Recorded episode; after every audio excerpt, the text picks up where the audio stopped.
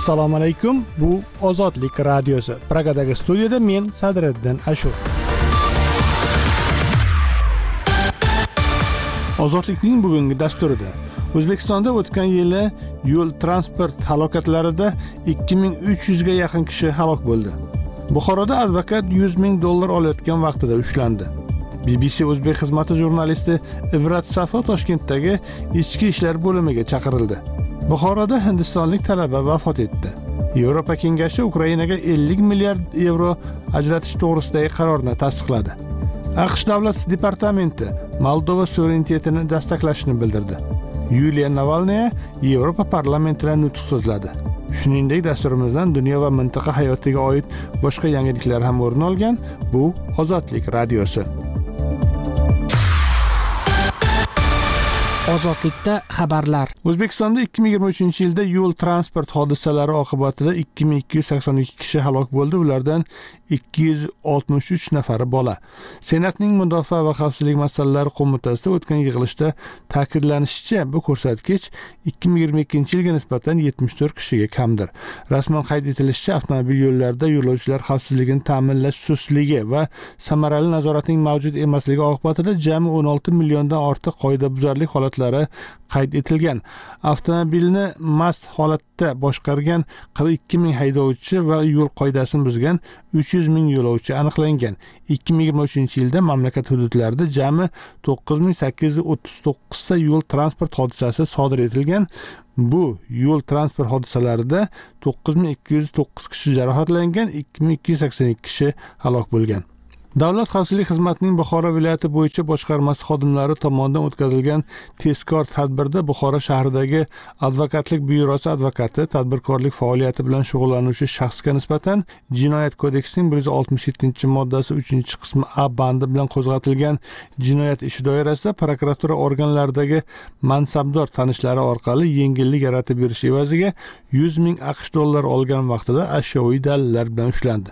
Davlat xavfsizlik xizmatining jizzax viloyati viloyati bo'yicha boshqarmasi va ichki ishlar vazirligining jizzax viloyati transportda xavfsizlikni ta'minlash boshqarmasi xodimlari hamkorligida o'tkazilgan tezkor tadbirda viloyat transport boshqarmasining tenderlar o'tkazish bo'limi bosh mutaxassisi forish tumanida yo'lovchi tashish faoliyati bilan shug'ullanuvchi xususiy korxonaga davlat tomonidan berilgan isuzu avtobusini sotish huquqi bo'lmasa jismoniy shaxsga olti o'ndan olti ming aqsh dollariga sotgan vaqtida ushlandi.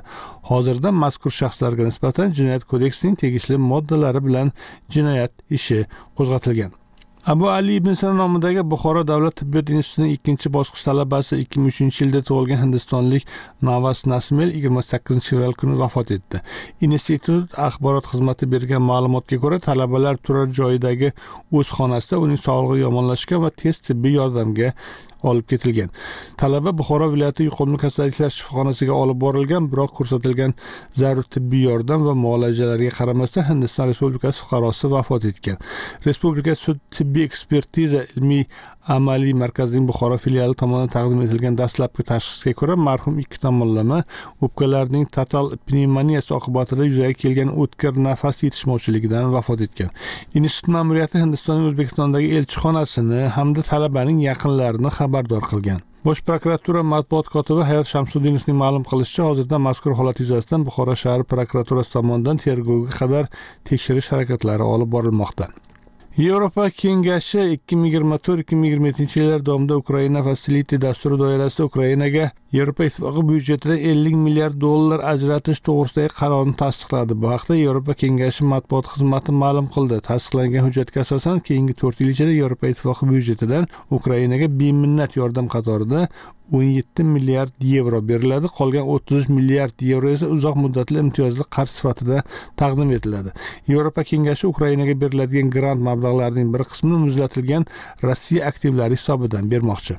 Aqsh tan olinmagan pridnestrovye mintaqasi rossiyaga ko'mak so'rab murojaat qilganidan so'ng vaziyatni diqqat bilan kuzatmoqda deb bildirdi davlat departamenti rasmiy vakili metyu miller.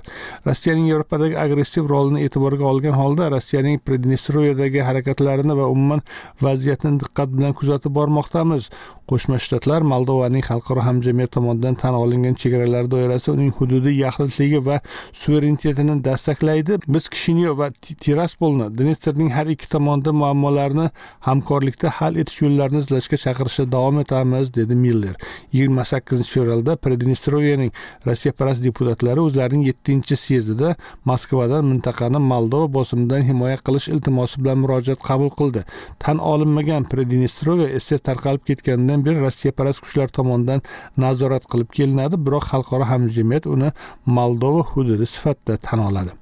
Qamoqda o'lgan siyosatchi aleksey navalniyning xotini yuliya navalniy yigirma yettinchi fevralda yevropa parlamentida nutq so'zladi. O'z nutqi davomida rossiya prezidenti vladimir putinni kriminal guruh lideri deb atadi va unga hamda atrofdagilarga nisbatan bosimni davom ettirishga chaqirdi. Navalniy nutqini настоящее время kanali translyatsiya qildi. Navalniy putin aleksey navalniyga va ajoyib qo'shni davlatga nisbatan harakatlari uchun javob berishi lozim deb aytdi. Qo'shni davlat deganda u ukrainani nazarda tutdi. Uning nutqi yevropa parlamentda guldiroz qarsaklar bilan kutib olindi. Navalniy yevropa siyosatchilarini ukraina va boshqa masalalarda kreml bilan muzokaralar olib bormaslikka ammo putin va uning atrofidagilarga taalluqli bo'lgan moliyaviy oqimlar yuzasidan tergovlar o'tkazishga chaqirdi.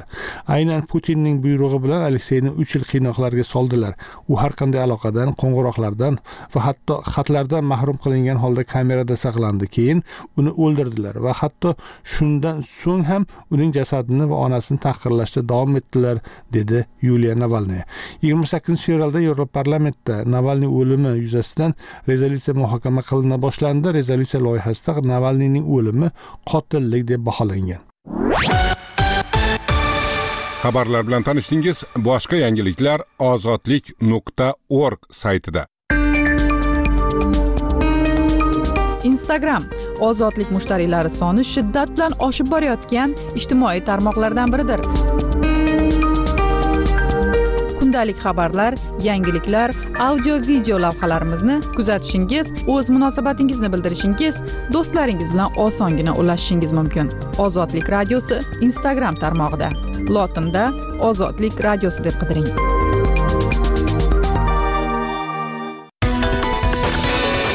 O'zbekiston siyosat. Bbc o'zbek xizmati jurnalisti ibrat safoning xabar berishicha toshkent shahri chilonzor tumani ichki ishlar bo'limiga suhbatga chaqirilgan bu haqda u facebookda yozdi. Meni topishdan avval u militsiya xodimi ikki marta oltmish sakkiz yashar nafaqadagi o'qituvchi opamni bezovta qilgan va chilonzor tumani ruvedesiga kelishini aytgan. Men opamga bormang dedim. Londondan telefon qildim dedi u. Jurnalistning so'zlariga ko'ra londonda bbc jurnalisti bo'lib ishlagan yigirma yillik faoliyat davomida bu kabi holat birinchi marta sodir bo'lmoqda. Qizig'i men ikki ming o'n yettinchi yildan beri chilonzorda propiskada turmayman. Propiskam londondagi o'zbekiston elchixonasida deb ta'kidladi u. Chilonzor ichki ishlar bo'limi xodimi jasur to'liq ismi sharif va rutbasini aytishdan bosh tortdi dedi ibrat safo. Xodim jurnalist internetda o'zbekiston haqida negativ yozgani uchun prezident administratsiyasi qoshidagi ommaviy axborot vositalarini monitoring qiluvchi markazdan katta ehtimol bilan gap prezident huzuridagi axborot va ommaviy kommunikatsiyalar agentligining tarkibiy bo'linmasi ommaviy kommunikatsiyalar markazi haqida ketmoqda topshiriq olganini aytgan. Jurnalistning aytishicha militsiya xodimi o'zbekiston hukumatini obro' obro'sizlantirish to'g'risidagi qonunga ishora qilgan biroq bu qanday qonun ekaniga aniqlik kiritmagan.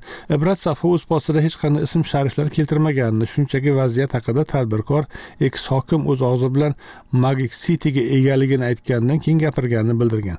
Shundan norozi bo'lishibdi jasurning necha yoshligi yo jurnalistika borasidagi bilimini bilmayman lekin u meni patriot bo'lmaslikda aybladi va bunday postlarni yozishni to'xtatishimni buyurdi.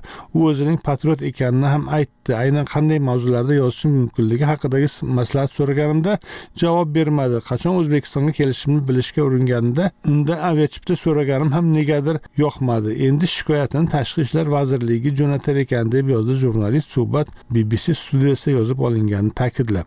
Birinchi fevral kuni toshkent shahri sobiq hokimi akfa kompaniyalar guruhi asoschisi jahongir ortiqxo'jayev o'zining yettita kompaniyasini sotganini ma'lum qilgandi.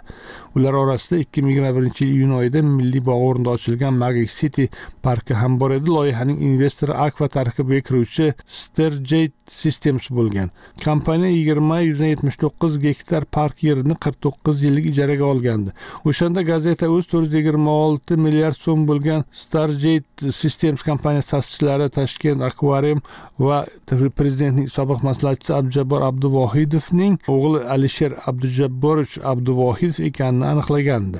Alisher abduvohidov toshkent akvariumga to'liq egalik qiladi. Shuningdek artel technical school va boshqa korxonalarda ulushlarga ega. Raqobatni rivojlantirish qo'mitasi ma'lumotlariga ko'ra ikki ming yigirma uchinchi yilda toshkent akvarium kompaniyasi starjet system kompaniyasining to'qson to'qqiz o'ndan to'qqiz foiz ulushini uch yuz yetmish bir o'ndan to'rt milliard so'mga sotib olgan. Facebook lentasida ozodlik maqolalarini nafaqat o'qishingiz balki fikr bildirishingiz muhokama qilishingiz do'stlaringiz bilan o'rtoqlashishingiz mumkin. Audio suhbatlar video lavhalar ozodlikning facebook lentasida sahifamizni lotin imlosida ozodlik radiosi deb izlang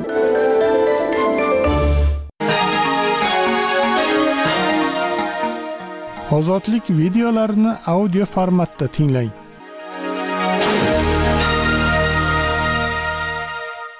Harakatlar strategiyasidan taraqqiyot strategiyasi haqida yurtimizda hozircha yagona bir insonning to'ng'ich qizingiz saida mirziyoyevani prezidentlik prezident yordamchisi lavozimiga ishga ko'tarilgani va taraqqiyot sari qadam bosganligini guvohi bo'ldim. Boshqa hech qanday taraqqiyotni man ko'rmadim va sezmadim janobi prezident.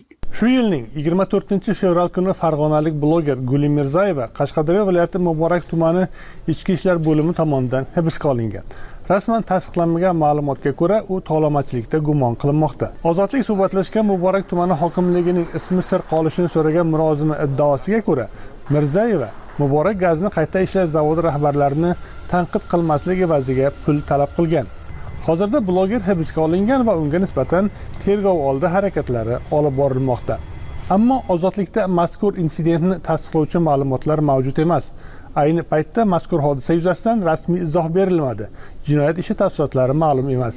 Guli mirzayeva o'zining tarmoqlardagi chiqishlarida prezident shavkat mirziyoyev va uning oilasi a'zolari xususan to'ng'ich qizi saida mirziyoyevani tanqid qilib kelgan.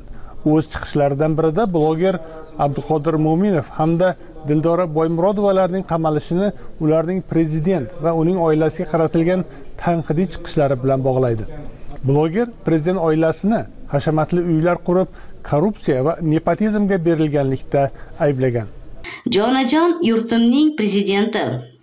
Janobi oliylari shavkat miromonovich. Agar och qolgan itning oldiga ovqat qo'ysangizu uni tortib olsangiz itning keyingi holatini tasavvur qila olsangiz kerak. Man esa janobi prezident insonman adolatga haqiqatga tashna insonman.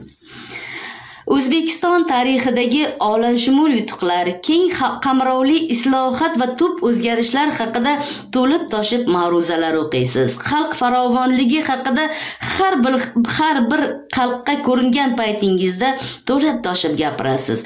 Ammo so'zlaringiz quruq safsataga aylanib borayotganligidan o'zingizni xabaringiz bormi janobi prezident? Harakatlar strategiyasidan taraqqiyot strategiyasi haqida yurtimizda hozircha yagona bir insonning to'ng'ich qizingiz saida mirziyoyevani prezidentlik prezident yordamchisi lavozimiga ishga ko'tarilgani va taraqqiyot sari qadam bosganligini guvohi bo'ldim. Boshqa hech qanday taraqqiyotni man ko'rmadim va sezmadim janobi prezident. O'zining so'nggi videolaridan birida mirzayeva prezident yordamchisi saida mirziyoyevaga murojaat qilib muborak gazni qayta ishlash zavodidagi o'z ta'biricha korrupsion holatlar haqida gapirgan. Mirzayeva zavod rahbariyati uyushgan jinoiy guruh tuzganini iddao qilib saida mirziyoyevadan chora ko'rishni talab qiladi. U shuningdek o'zining transportga puli yo'qligini aytib qashqadaryo viloyati hokimligiga piyoda borayotganini ta'kidlaydi. O'zbekiston respublikasida prezidentdan so'ng eng yuqori lavozimda ishlay ishlaydigan saidaxonim mirziyoyeva bu efirim sizga. Man sizga prezidentning to'ng'ich qizi bo'lganligingiz uchun emas. Mana shu yurtda prezidentdan so'ng eng yuqori lavozimni egallab turganligingiz uchun murojaat qilyapman. Siz begona yurt ayollarini qay ahvolda yashayotganligi haqida gapirib xursand bo'lib gapirasiz. O'zbekiston ayollarining xo'rlanayotganligidan xabaringiz bormi? Man bugun ko'chada viloyat hokimini qabulini so'rab piyoda viloyat hokimiyati tomonga qarab ketyapman. Mani huquqlarim toptalyapti. Bizga ish o'rinlari yaratib berilmayapti. Oddiygina bir kichik qashqadaryo viloyatining muborak tumanida bitta korxonada insonlar yillab ishga kelmasdan oylik olib yotishar ekan. Kambag'al bechora manga o'xshagan bevalarga ajratilgan moddiy yordamlarni rahbarlar o'zlariga yozdirib olishar ekan nima uchun? Biz ishsizlikda qiynalib bitta nonga pul topolmay yuramizu. Odamlar bizni yurtimizda bizga tegishli bo'lgan narsalarni bunchalik talon taroj qilishadi. Bizni qonuniy huquqlarimizni tiklab berishingizni so'rayman. Mirzayeva bundan oldingi chiqishlarda muxolifatdagi haqiqat taraqqiyot va birdamlik demokratik partiyasini rasmiy ro'yxatdan o'tkazishni talab qilib partiya tarafdorlarini imzo to'plashda faol bo'lishga chaqirgan. Norasmiy haqiqat taraqqiyot va birdamlik demokratik partiyasi rahbari professor qidirnazar allaqulov ozodlik bilan suhbatda guli mirzayevaning partiya faoliyatini qo'llab quvvatlagani ammo uning na partiya boshqaruvi va na uning faoliyatiga aloqador emasligini ta'kidladi. Blogerni yaqindan tanigan faollarning aytishicha uning qamalishiga muborak gazni qayta ishlash zavodi faoliyatidagi korrupsiyaviy holatlarni fosh etishga uringani sabab bo'lgan.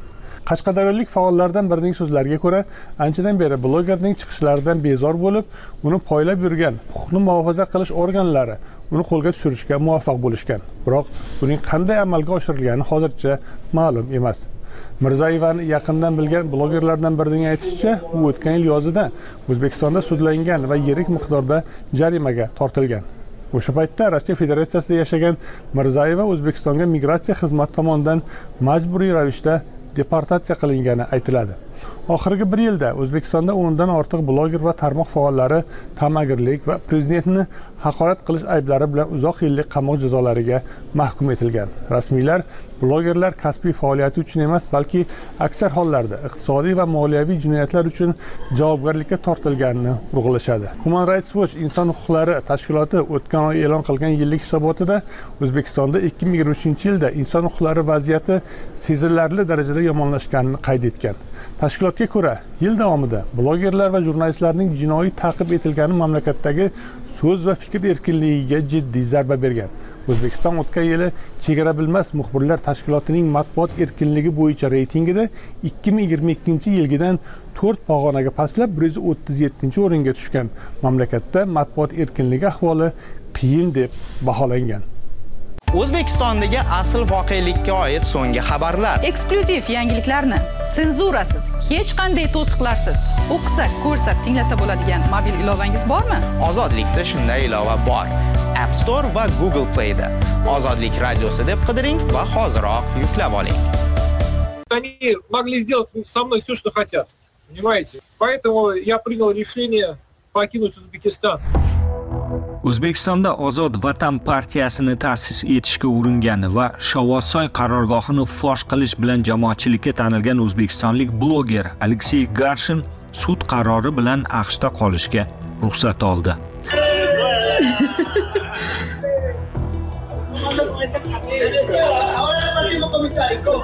Bundan oldin u to'rt oy bu mamlakatning migratsiya izolyatorida saqlandi. Shtatlarda oilasi bilan boshpana olishga urinayotgan jamoat faoli o'zbekistonni tark etgani sabablari haqida ozodlikka so'zlab berdi. В 2023 году весной. Ikki ming yigirma uchinchi yilning bahorida o'zbekiston sudi menga nisbatan chiqarilgan hukmni o'z kuchida qoldirdi va menga qariyb o'n ming dollar aniqrog'i to'qqiz ming to'qqiz yuz yetmish dollar miqdorida jarima belgilashdi. Men uni to'ladim. Shundan keyin o'zbekistonni tark etishga qaror qildim. Bundan keyin menga u yerda qolish xavfli deb o'yladim.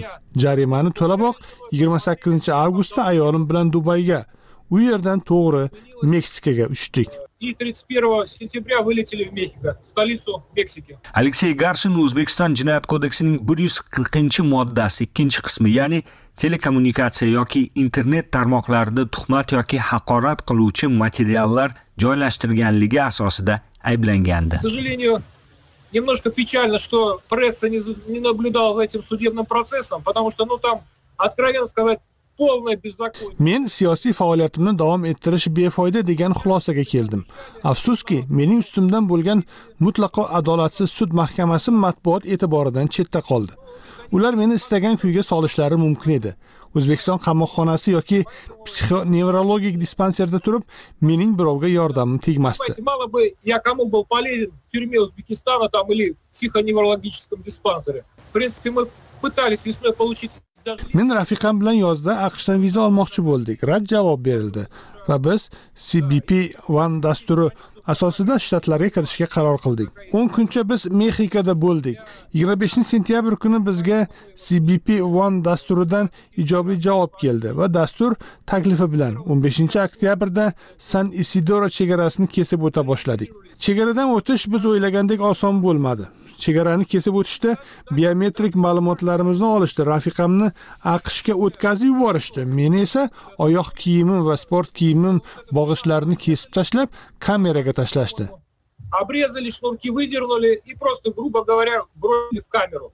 Камера рассчитана на, по-моему, 24 сидячих места. kamera 24 ta o'tirishga mo'ljallangan joyga ega edi sovuqda odam to'la kamerada tiqilinchda chiroq o'chirilmasdan 5 kun saqlashdi shunga qaramay oziq ovqat bilan ta'minlash durustligini ham aytishim kerak qizig'i armanistonlik va qirg'izistonliklarni muammosiz o'tkazishayotgani sobiq mdhdan bo'lgan o'zbek tojik gruzinlarni ushlab qolishayotganiga guvoh bo'ldim. Aqsh chegarachilari bu darajada qo'pol bo'lishlarini mutlaqo tasavvur qilmagandim Хорошо и очень жестоко. Откровенно сказать, я не ожидал от Соединенных Штатов Америки такого отношения. Меня, меня с группой людей тоже вывели, там человек 5 с этой камеры. Meni bir guruh migrantlar tarkibida 21 oktyabr kuni oyoq qo'limga kishan solib uchoqda missisipi shtatiga jo'natishdi. Biz tushgan migratsiya qamoqxonasida ham vaziyat juda og'ir edi. Yoqimsiz. 27 dekabr kuni meni ushbu detenish markazidan luiziana shtatiga ko'chirishdi.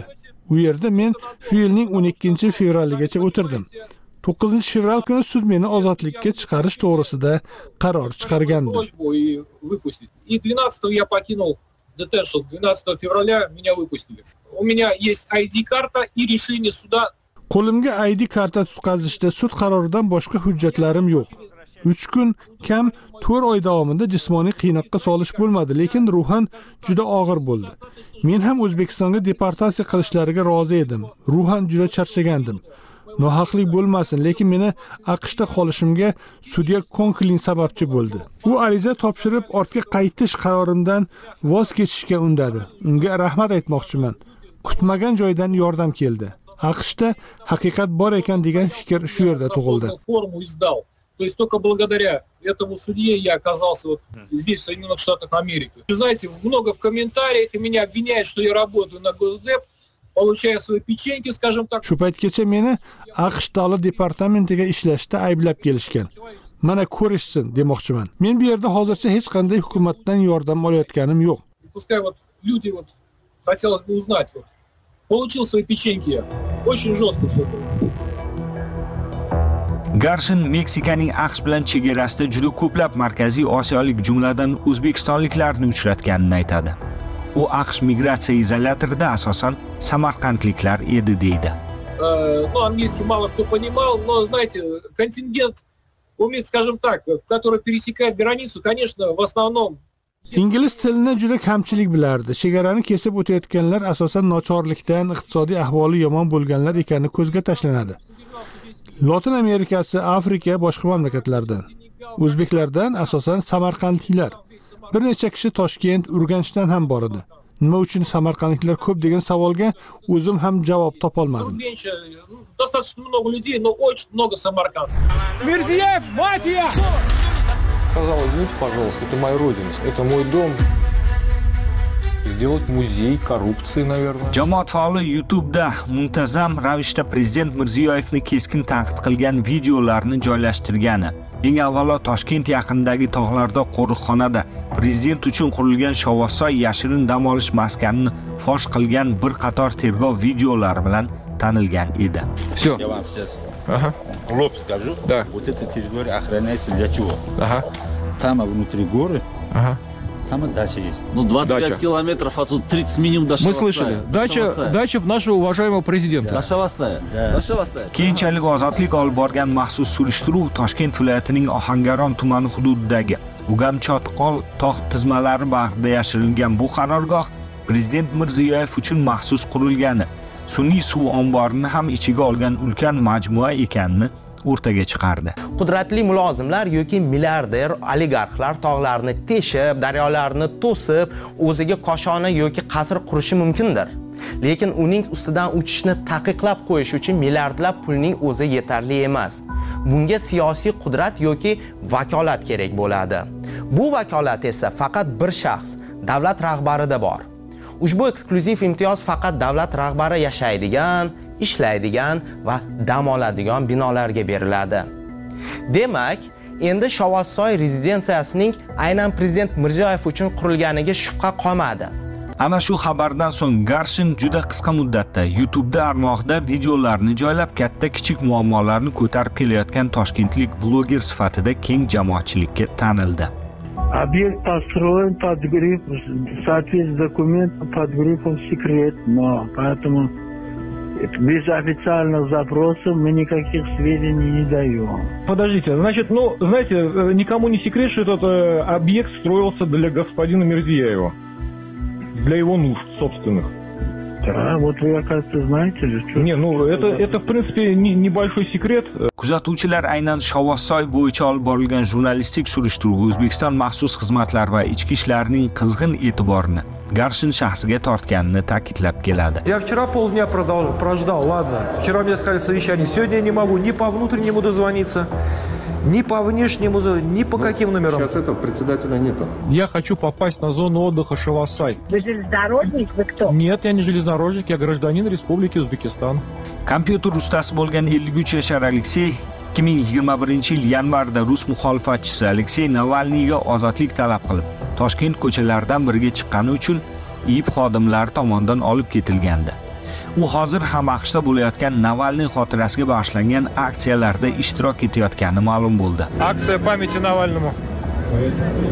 garshinning so'zlariga ko'ra 2022 yil mart oyida ukraina elchixonasi yaqinida ukrainani qo'llab quvvatlovchi yagona namoyishni jonli efirga uzatganidan so'ng u rasmiylar tomonidan bosim kuchayib ketgan va jazoni o'z faoliyati uchun qasos sifatida ko'rgandi Оказывается, истек ваше время подачи э, жалоб. Как понять? Поэтому Я только получил решение, как может я, я, как я мог, если я на руки под подпись только получил. Вы о чем говорите? Я прошу прощения, Хасан. aleksey o'zbekistonni butunlay tark etish niyatida emas siyosiy vaziyat o'zgarsa bloger va jurnalistlarga bo'lgan bosim to'xtasa u ortga qaytish niyatida Умит, но мне очень тяжело, знаете как, я очень люблю свою родину, Узбекистан, Ташкент. Men o'z yurtim O'zbekistonni, Toshkentni juda yaxshi ko'raman. Men bu yurtni, xalqni qanday qilib talon-taroj qilishayotganini ko'rib tinch tura olmadim. Men o'z uyimni tashlab ketaman deb xayolimga ham keltirganim yo'q edi. Bu yerda ingliz tilini bilmayman, yangi hayot, tartibga ko'nikish mening yoshimda qiyin bo'ladi. Lekin na iloj. Adaptatsiya qilishga urinib ko'ramiz. Men ayolim bilan o'z ona yurtimga qaytish rejasidan hali ham qaytganim yo'q. Vaziyat biroz o'zgarsa, qaytaman ham. Lekin hozir emas. Men qamoqda yoki Valijon Kalonovga o'xshab jinnixonada o'tirishni xohlamayman. Men adolatsizlik bo'layotgan joyda indamay tura olmasligimni bila turib, yaqin orada qamalib ketishim aniq edi. To'g'ri, O'zbekistonda indamay yursa menga hech kim tegmasdi, lekin men tinch yura olmayman, ortiqcha gapirib qo'yaman. Toshkentda qo'shnilarimga ustimdan poyloqchilik qilishga hatto pul taklif qilishganini aytib berishdi. telefonlarim nazoratda ekanini bilardim. Yana bir aytmoqchimanki, men O'zbekistonni, Sirdaryoni, o'z uyimni chin dildan yaxshi ko'raman. Lekin afsuski, vaziyat mana shuni taqozo etdi. Узбекистан, люблю Ташкент, люблю свой дом, люблю это, люблю Сырдарью. Но, к сожалению, все ну, так вот получилось.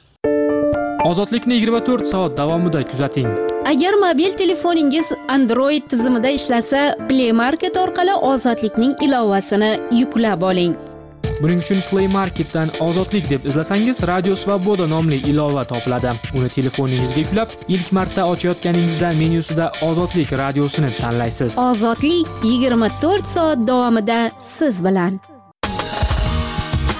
Ozodlik eshittirichlarini youtube'da ham tinglash mumkin. Kundalik eshittirishlarimizni lotinda ozodlik radiosi deb qidiring. Eslab qoling.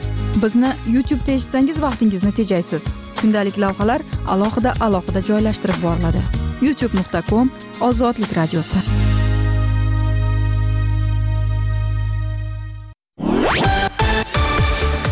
Hurmatli tinglovchi, shuning bilan ozodlikning bu soatdagi eshittirishi nihoyasiga yetdi. Siz bilan Kamina Sadriddin Ashur bo'ldi. salomat bo'ling va ozodlikda qoling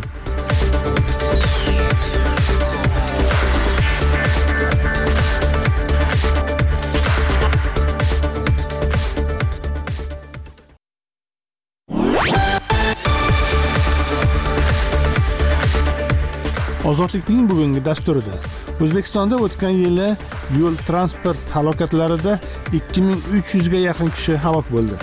Buxoroda advokat 100 ming dollar olayotgan vaqtida ushlandi. Bbc o'zbek xizmati jurnalisti ibrat safo toshkentdagi ichki ishlar bo'limiga chaqirildi. Buxoroda hindistonlik talaba vafot etdi. Yevropa kengashi ukrainaga 50 milliard yevro ajratish to'g'risidagi qarorni tasdiqladi. Aqsh davlat departamenti moldova suverenitetini dastaklashini bildirdi. Yuliya navalnaya yevropa parlamentida nutq so'zladi.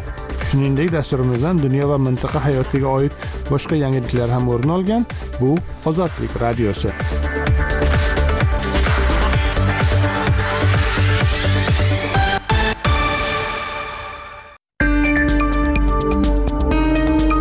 Instagram ozodlik mushtariylari soni shiddat bilan oshib borayotgan ijtimoiy tarmoqlardan biridir. Kundalik xabarlar yangiliklar audio video lavhalarimizni kuzatishingiz o'z munosabatingizni bildirishingiz do'stlaringiz bilan osongina ulashishingiz mumkin. Ozodlik radiosi instagram tarmog'ida. Lotinda ozodlik radiosi deb qidiring.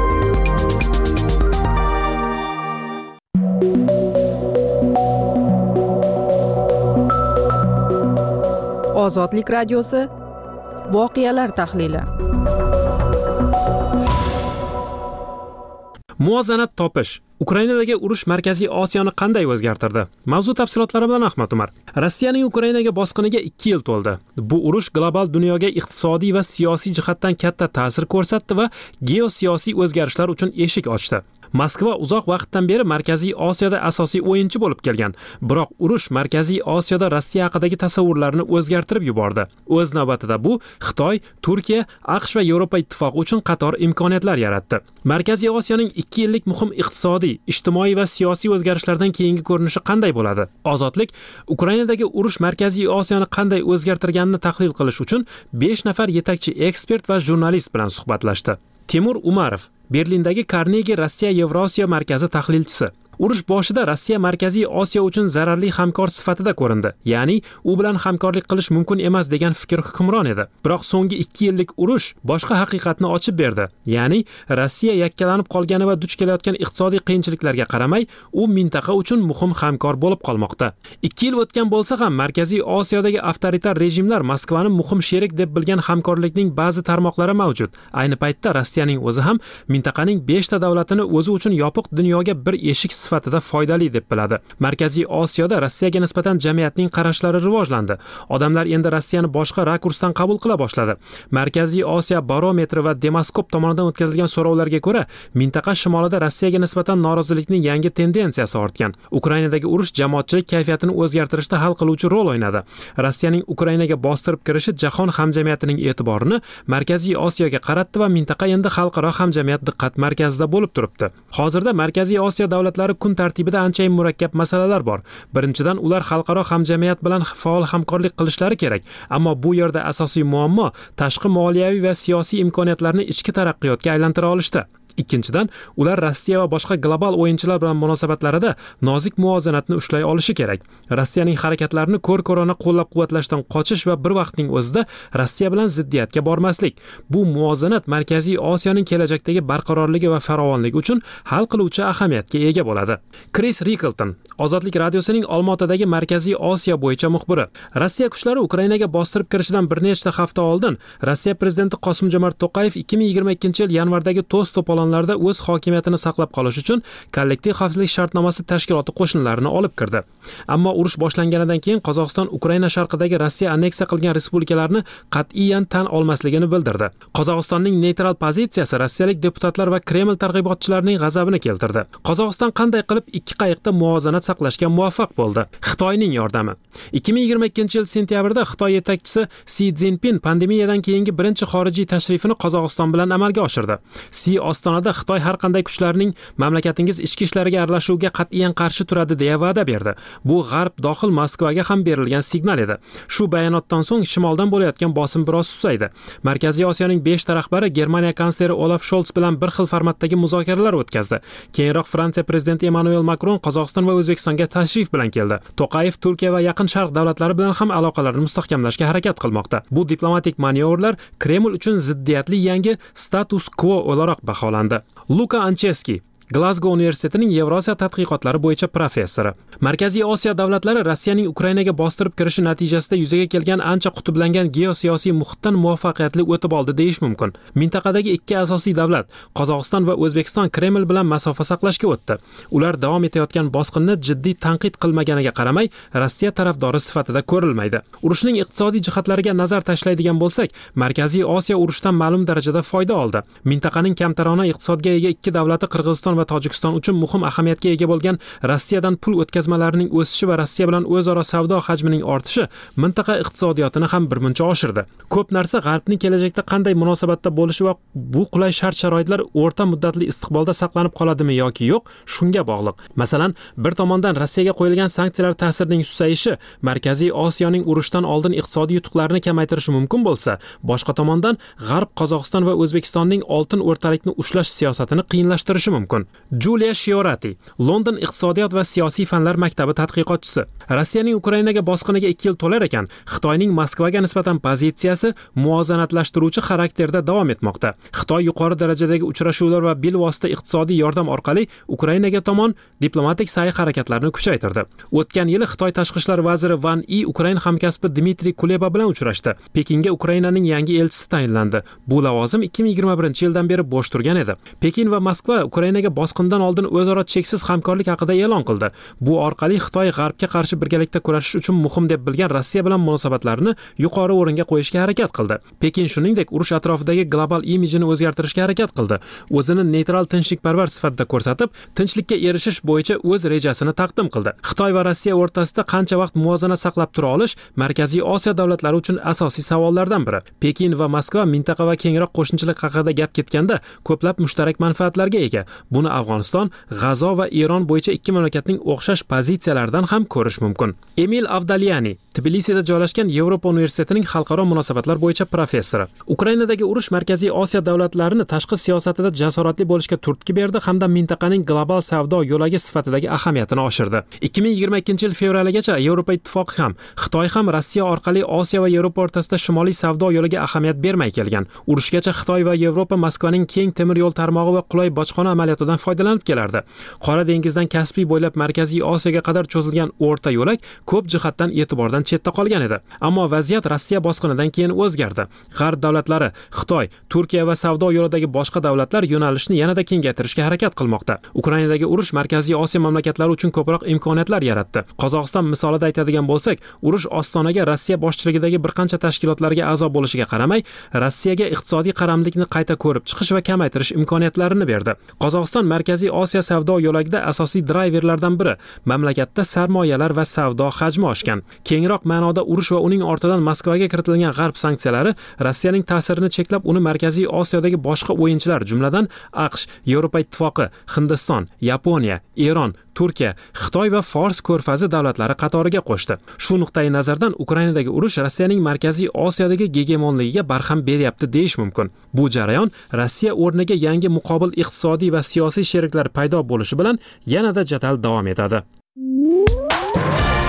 Eksklyuziv xabarlar radio eshittirish foto va video lavhalarni kundalik ravishda mobilingizda kuzatishni istasangiz bizni telegram ilovasida bir so'z bilan ozodlik kanali deb qidiring.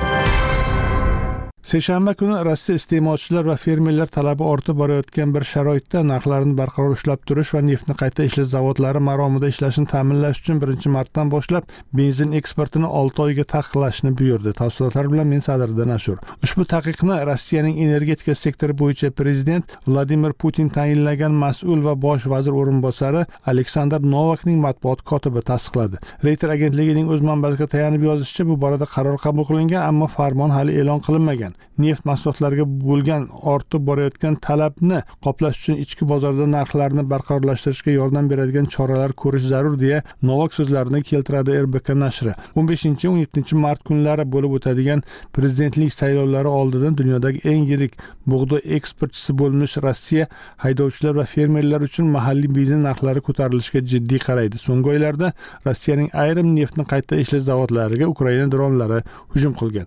Rossiya va ukraina bir birining energetika infratuzilmasini nishonga olmoqda. Ta'minot liniyalari va logistika ta'minotini buzib raqiblarini ruhan sindirishga urinib ko'ryapti. Neft neft mahsulotlari hamda gaz eksporti hozirgacha rossiyaning bir o'ndan to'qqiz trillion dollarlik iqtisodiyotidagi muhim tayanchlardan biridir. Kreml neft eksport qiluvchi mamlakatlar tashkiloti va asosiy ittifoqchilari o'z ichiga olgan kengroq opec plus guruhi doirasida narxlarni yuqori ushlab turish uchun dunyodagi eng yirik neft eksportchisi saudiya arabistoni bilan ishlamoqda. Rossiya opec plus narx siyosatini dastaklash doirasida birinchi chorakda neft va yoqilg'i eksportini ixtiyoriy ravishda kuniga besh yuz ming barrelga qisqartirmoqda. Ikki ming yigirma uchinchi yilda rossiyadagi eng yirik benzin ishlab chiqaruvchilari gazprom neft omsk neftni qayta ishlash zavodini lukoyl nijniy novgorodda va rosneft rizan neftni qayta ishlash zavodini ochdi. Rossiya ikki ming yigirma uchinchi yilda qirq uch o'ndan to'qqiz million tonna benzin ishlab chiqargan va shundan besh o'ndan yetti million tonnaga yaqin yoki ishlab chiqarishning o'n uch foizini eksport qilgan. Rossiya benzinining eng yirik importchisi asosan afrika mamlakatlari jumladan nigeriya liviya tunis va birlashgan arab amirliklaridir.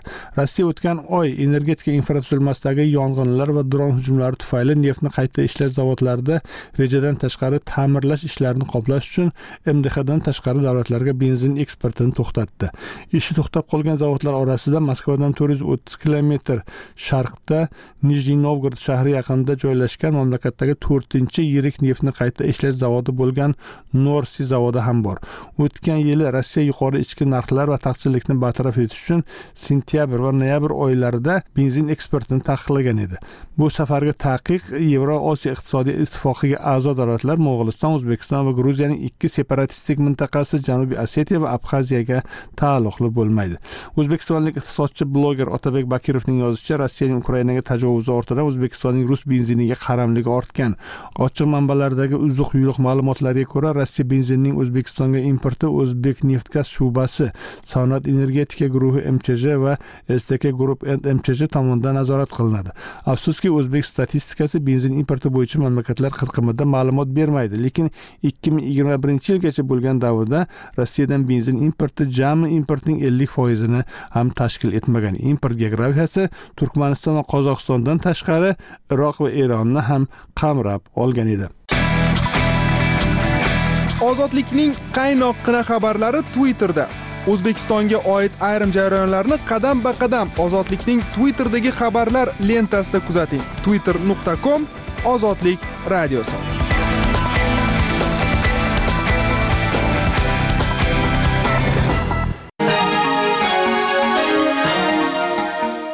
Ozodlik videolarini audio formatda tinglang.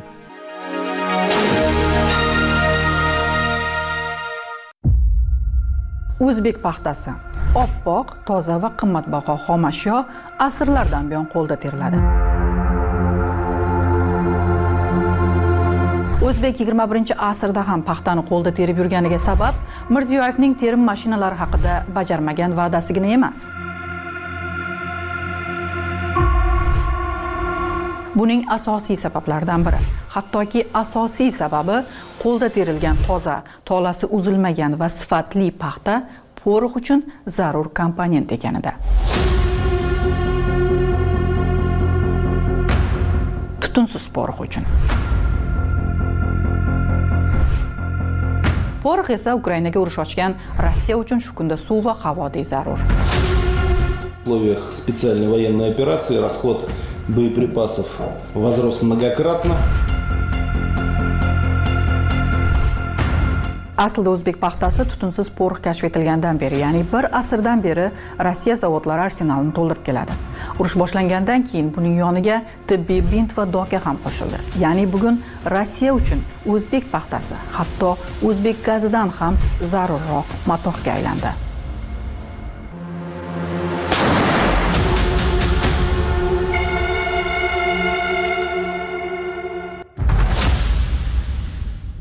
o'zbekistonda 2023 yilda 3 million 700 ming tonna paxta yetishtirildi. Buni prezident aytdi. Bundan 216 ming tonna paxta tolasi olindi. O'tgan yilgidan qariyb 6,5 foizga ko'p. Bu rasmiy ma'lumotni statistika qo'mitasi berdi. Paxtaga oid rasmiy statistika asosan shu yo'nalishda. Qancha paxta hosili olingani qancha tola olingani qanchasi eksport qilingani haqidagi umumiy raqamlar. Ammo rasmiy bayonotlarda shu kunda xalqaro matbuotda muhokamalarga sabab bo'layotgan asosiy masala. O'zbekistonda yetishtirilgan paxta paxta sellyulozasi yoki lintining qanchasi rossiya porox zavodlariga yetkazib berilganiga oid hech bir ma'lumot yoki munosabat yo'q. Buni ko'rsatgan faktlar yaqinda bbc важные истории власть kz nashrlari hamda korrupsiya va uyushgan jinoyatchilik bo'yicha markaz surishtiruvlarida o'rtaga chiqdi. Bu nashrlar o'zbekiston paxtasining rossiya mudofaa sanoatidagi ko'lamini tushunishga yordam beruvchi ba'zi raqamlarga diqqatni tortadi. Jumladan rossiya federatsiyasidagi qozon porox ishlab chiqarish zavodining o'zbekiston mudofaa vazirligi bilan erishgan shartnomasi shartnoma ochiq manbalarda. Tatariston sanoat vazirligiga ko'ra ikki ming yigirmanchi yilgi kelishuvga binoan rossiya o'zbekistonga porox o'zbekiston esa rossiyaga paxta sellyulozasini yetkazish majburiyatini o'z zimmasiga olgan. Важные истории власть kz nashrlari hamda korrupsiya va uyushgan jinoyatchilik bo'yicha surishtiruv markazi o'rganishlariga ko'ra qozon porox zavodi o'zbekistondan 2019 yilda 48 tonna paxta sellyulozasini sotib olgan ayni zavod 2022 yil bo'yi va 2023 yillarda 1225 tonna xomashyo xarid qilgan ya'ni oldi sotdi hajmi 25 barobarga ortgan sellyuloza organik birikma polisaxarid suvda erimaydigan ta'msiz tolasimon oq modda. Asosan ba'zi o'simlik urug'lari masalan chigit tukida 97-98 foizgacha bo'ladi. Undan sun'iy tola yung va shoya olinadi. Shuningdek lak bo'yoq va emal ishlab chiqarishda keng qo'llaniladi. Muhimi qo'lda terilgan uzun tolali sifatli paxta sellyulozasidan sifatli nitrotselllyuloza olinadi. Nitrotselllyuloza zamonaviy mudofaadagi muhim qurol tutunsiz porox uchun zarur komponent. 1884 yilda kashf etilgan tutunsiz porox yoki powder b o'qotar qurollar tarixida inqilob yasagan. Qora tutun qoldiradigan miltiq o'rnini tutunsiz qurol egalladi. Bundan tashqari bu tutunsiz porox o'qning uchish tezligini oshirdi vaznini yengillashtirdi shu bois raketa snaryadlari ham shu poroxdan ishlanadigan bo'ldi. Bu kashfiyot mudofaa sohasiga kirib kelgan 1900 yillardayoq chor rossiyasi markaziy osiyo paxtasiga ko'z tikdi paxta chor armiyasi uchun bosh o'ljaga aylandi В условиях специальной военной операции расход боеприпасов возрос многократно. Задача промышленности полностью без сбоев обеспечить потребности вооруженных сил России. rossiyaning ukrainaga bosqini ortidan qozondagi porox zavodi 2023 yilning 19 maydan aqshning eksportini taqiqlovchi o'sha yil 20 iyuldan esa barcha turdagi oldi sotdini bloklovchi sanksiyasiga tushgandi ammo bu sanksiyalar bu zavodning o'zbekistondagi farg'ona kimyo zavodidan yirik partnyor sifatida foydalanishiga xalaqit bermagan ko'rinadi. Bundan tashqari qo'shma surishtiruvga ko'ra farg'onadagi zavod qozondan tashqari perm porox zavodiga 26 tonna aleksin kimyo kombinatiga esa 79 tonna sellyuloza sotgan. Surishtiruvdan ma'lum bo'lishicha bundan tashqari o'zbekistondagi firmalar ham rossiyaga 2022 yilda 5 million dollar 2023 yilning 9 oyida esa 8 million 700 ming dollarlik sellyuloza sotgan. Un comtrade bmt davlatlararo tovarlar savdosiga oid ma'lumotlarda ham qozog'iston ham 2022 yilda rossiyaga sellyuloza eksportini qariyb 60 foizga oshirgani ko'rinadi. Shu tariqa ukrainaga bosqini boshlangandan beri rossiya mudofaasi uchun sotib olinayotgan sellyulozaning yarmidan ziyodi o'zbekiston qolgani qozog'iston hissasiga to'g'ri kelmoqda. Chor rossiyasi davrida birinchi jahon urushi davri sovet davri ikkinchi jahon urushi davrida paxtani qo'riqda ishlatish faktori bo'lgan va o'zbek paxtasi juda katta bu yerda rol o'ynagan. Keyin e, o'zbek e, harbiy sanoat kompleksini ham e, da ham qurol yarog' ishlab chiqarishda o'sha qo'riqda ham e, bo'lgan faqat ikkita urush bilan bog'liq bo'lgan va undan davri urush bo'lmagan davr bo'lmagan zamonda ham harbiy sanoat kompleksi uchun paxta xizmat qilgan xomashyo sifatida. Shuning uchun shunga bu yangilik emas. Bu hattoki oxirgi o'ttiz e, mana e, yildan oshiq vaqt mustaqillik davridan keyin ham davom etyapti va bu hech yangilik emas bu hech kimga bu yangilik emas. Qo'shma surishtiruv mualliflari shuningdek sanksiya ostidagi xomashyoni rossiyaga eksport qilayotgan o'zbekistondagi shirkatlar nomini ham keltiradi. Surishtiruvga ko'ra o'zbek paxta sellulozasining 53 foizi farg'ona kimyo zavodi qariyb 30 foizi raw materials cellulose shirkati qariyb 9 foizi baxtex farm llc shirkati hissasiga to'g'ri kelmoqda. Xususan raw materials cellulose shirkati bilan tambov porx zavodi 2022 yilda 253 tonna selluloza uchun bitim tuzgan. Qo'shma surishtiruv mualliflari sellyulozani rossiyaga sotayotgan shirkatlar yoki davlat korxonalari egalari va rahbarlarining bir shaklda rossiyaga aloqador ekaniga ham e'tiborni qaratadi. Jumladan 2021 yilgi hujjatlarda o'zbekiston tashqi iqtisodiy faoliyat milliy banki farg'ona kimyo zavodining to'laqonli muassisi deb ko'rsatilgan. 2023 yilda davlat banki nazoratidagi zavod xususiy qo'llarga rossiya fuqarolari rustam mo'minov va mixail gulxov ixtiyoriga o'tgani hujjatlarda keltirilgan. Hujjatlarda nomi tilga olingan raw material selluloz shirkatini ham aynan rustam mo'minov nazorat qilishi ko'rsatilgan. Farg'ona kimyo zavodi ochiq aksiyadorlik jamiyati o'zbekistonda paxta sellyulozasini ishlab chiqaruvchi eng yirik zavod. Zavod o'z mahsulotining 80 foizini rossiya bolgariya xitoy germaniya serbiya va boshqa mdh davlatlariga eksport qiladi. Bugungi zavod o'rnidagi ilk korxona farg'ona furan birikmalari unitar birlashmasi esa 1946 yilda ochilgan. Ya'ni bu zavod sobiq sovet ittifoqi davridan buyon mudofaa uchun ishlagan. Avvaliga sssr mudofaasi uchun texnik etil spirtini ishlab chiqargan bo'lsa bugun porox uchun paxta sellyulozasini ishlab chiqarmoqda.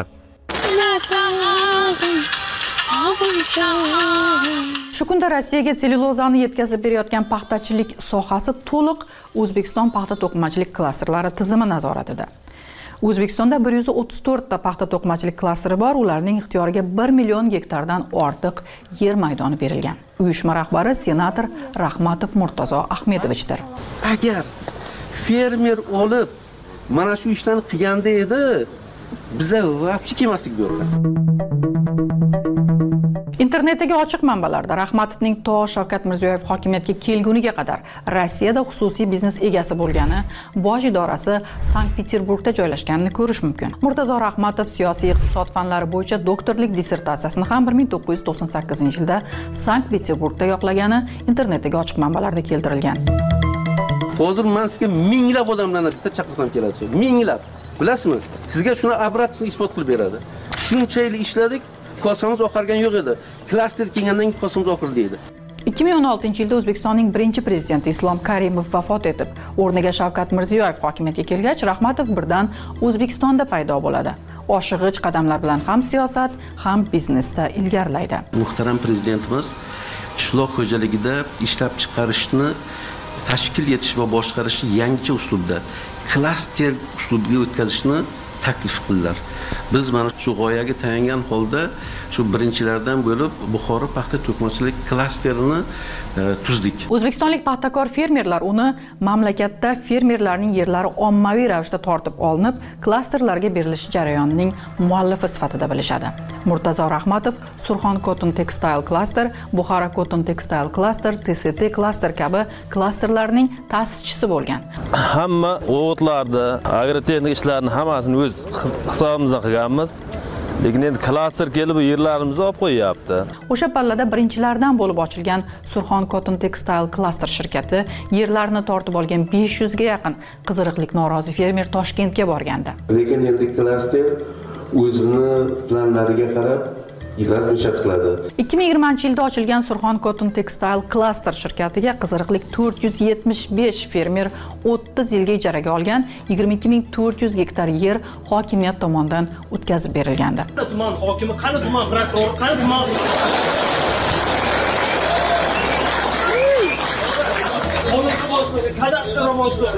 o'shanda fermerning yerlarini tortib olgan klaster ta'sischisi rahmatov senator sifatida ularning qarshisiga chiqqan va va'dalarni berib tarqatgan edi. Qiziriqlik fermerlar murojaatlarini uzluksiz yoritib borgan bloger otabek sattoriy esa keyinchalik qamaldi. O'zbekiston respublikasi jinoyat kodeksi ellik yettinchi moddasini qo'llab olti yil muddatga ozodlikdan mahrum qilish jazosi tayinlansin. 500 ga yaqin fermer yersiz qoldi. Bloger 3 yil qamoqda o'tirdi.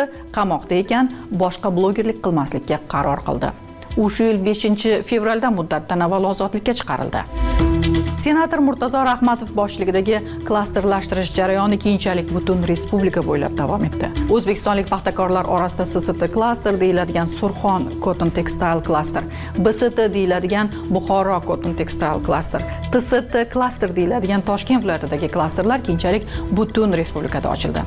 O'rta sinfga aylanishi kutilgan fermerlarning yerlari klasterlarga olib berildi va fermerlar klasterlarning ishchilari yoki ularning pudratchilariga aylandi. Agar siz bizlarni masalan klasterni monopoliya deb o'ylayotgan bo'lsangiz bu noto'g'ri boshqa tarafdan bunday klasterlarning bir nechasini birlashtirgan yirik xususiy shirkat petromar uz limited shirkati paydo bo'ldi. Uning egasi ham aynan murtazo rahmatov ekani aytiladi. ikki ming yigirmanchi yilda ochilgan petromar uz limited hozirda yigirma beshta tashkilotni o'ziga birlashtirgan yirik shirkatga aylangan. Bu shirkatning o'zbekistondan tashqari buyuk britaniya va polshada ro'yxatdan o'tgan filiallari bor. To'g'risi ichida o'zbekiston e, hech diversifikatsiya qilmadi o'zini munosabatlarini rossiyaga bog'liq bo'lib qoldi ham harbiy e, sanoat nuqtai nazaridan va boshqa e, sohalardan iqtisodiy nuqtai nazardan shuning uchun bu yerda bir ajablanadigan tomoni yo'q bu boshqa narsa bor hozir eng katta narsa bu e, kim shu klasterlarni orqasida turibdi albatta o'zbekistonda bu klasterlar qanaqadir bir oddiy fermer ochgan e, biznes emas tadbirkorlik emas. Bu orqasida boshqa bir jiddiy shaxslar turishi mumkin. Davlatga yaqin bo'lgan va rossiya bilan munosabatlari juda qalin bo'lgan hozir mana oligarxik guruhlar bor paydo bo'lgan o'zbekistonda shularni qanday aloqasi bor va shular turgan bo'lsa bu albatta bularni e, o'zbekiston tomonidan e, faqat juda bir davlatni katta irodasi kuchi bilan yo'q qilish mumkin. Chunki bu oddiy fermerlar qilayotgan ishi emas.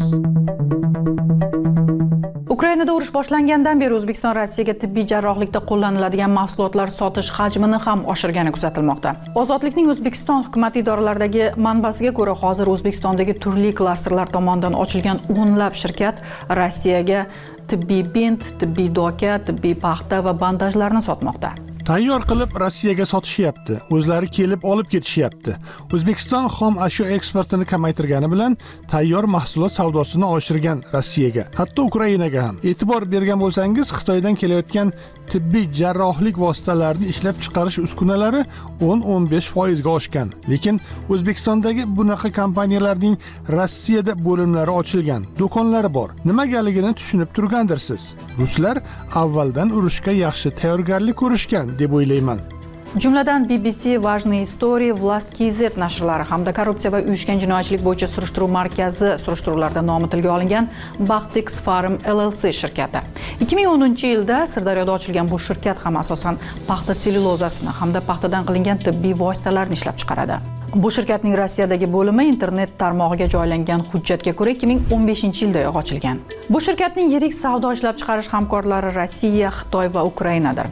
Ushbu shirkat mahsulotlari ham rossiya qozog'iston va ukrainada sotiladi. E'tiborga molik jihati sanksiya ostidagi rus zavodlariga xomashyo yetkazib berayotgan shirkatlar ayni paytda ukrainaga ham savdo hajmini oshirgan. Demak bu yerda davlat e, xavfsizlik nuqtai nazaridan ham bunga qarash kerak va menimcha agar o'zbekiston haqiqatda sanksiyaga tushishni istamasa bu mavzuni tezda e, davlat darajasiga ko'tarib yechimini topish kerak va o'zbekiston barcha qanaqa xohlasa xohlamasa o'zini iqtisodiy munosabatlarini uzishga majbur bo'ladi rossiya bilan.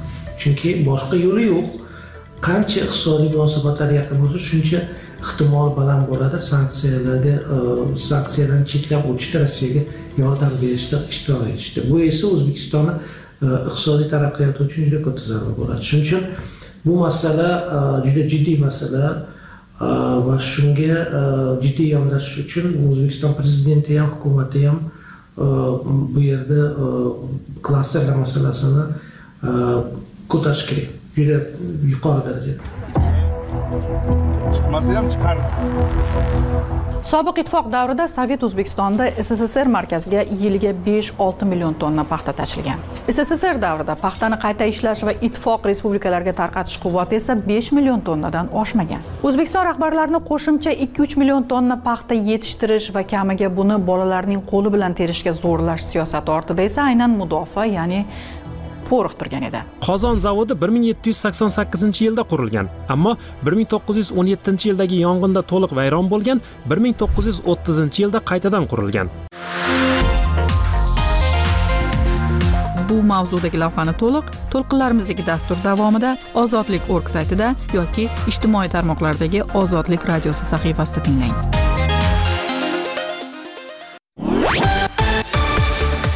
hurmatli tinglovchi shuning bilan ozodlikning bu soatdagi eshittirishi nihoyasiga yetdi. Siz bilan kamina sadiriddin ashur bo'ldi. Salomat bo'ling va ozodlikda qoling.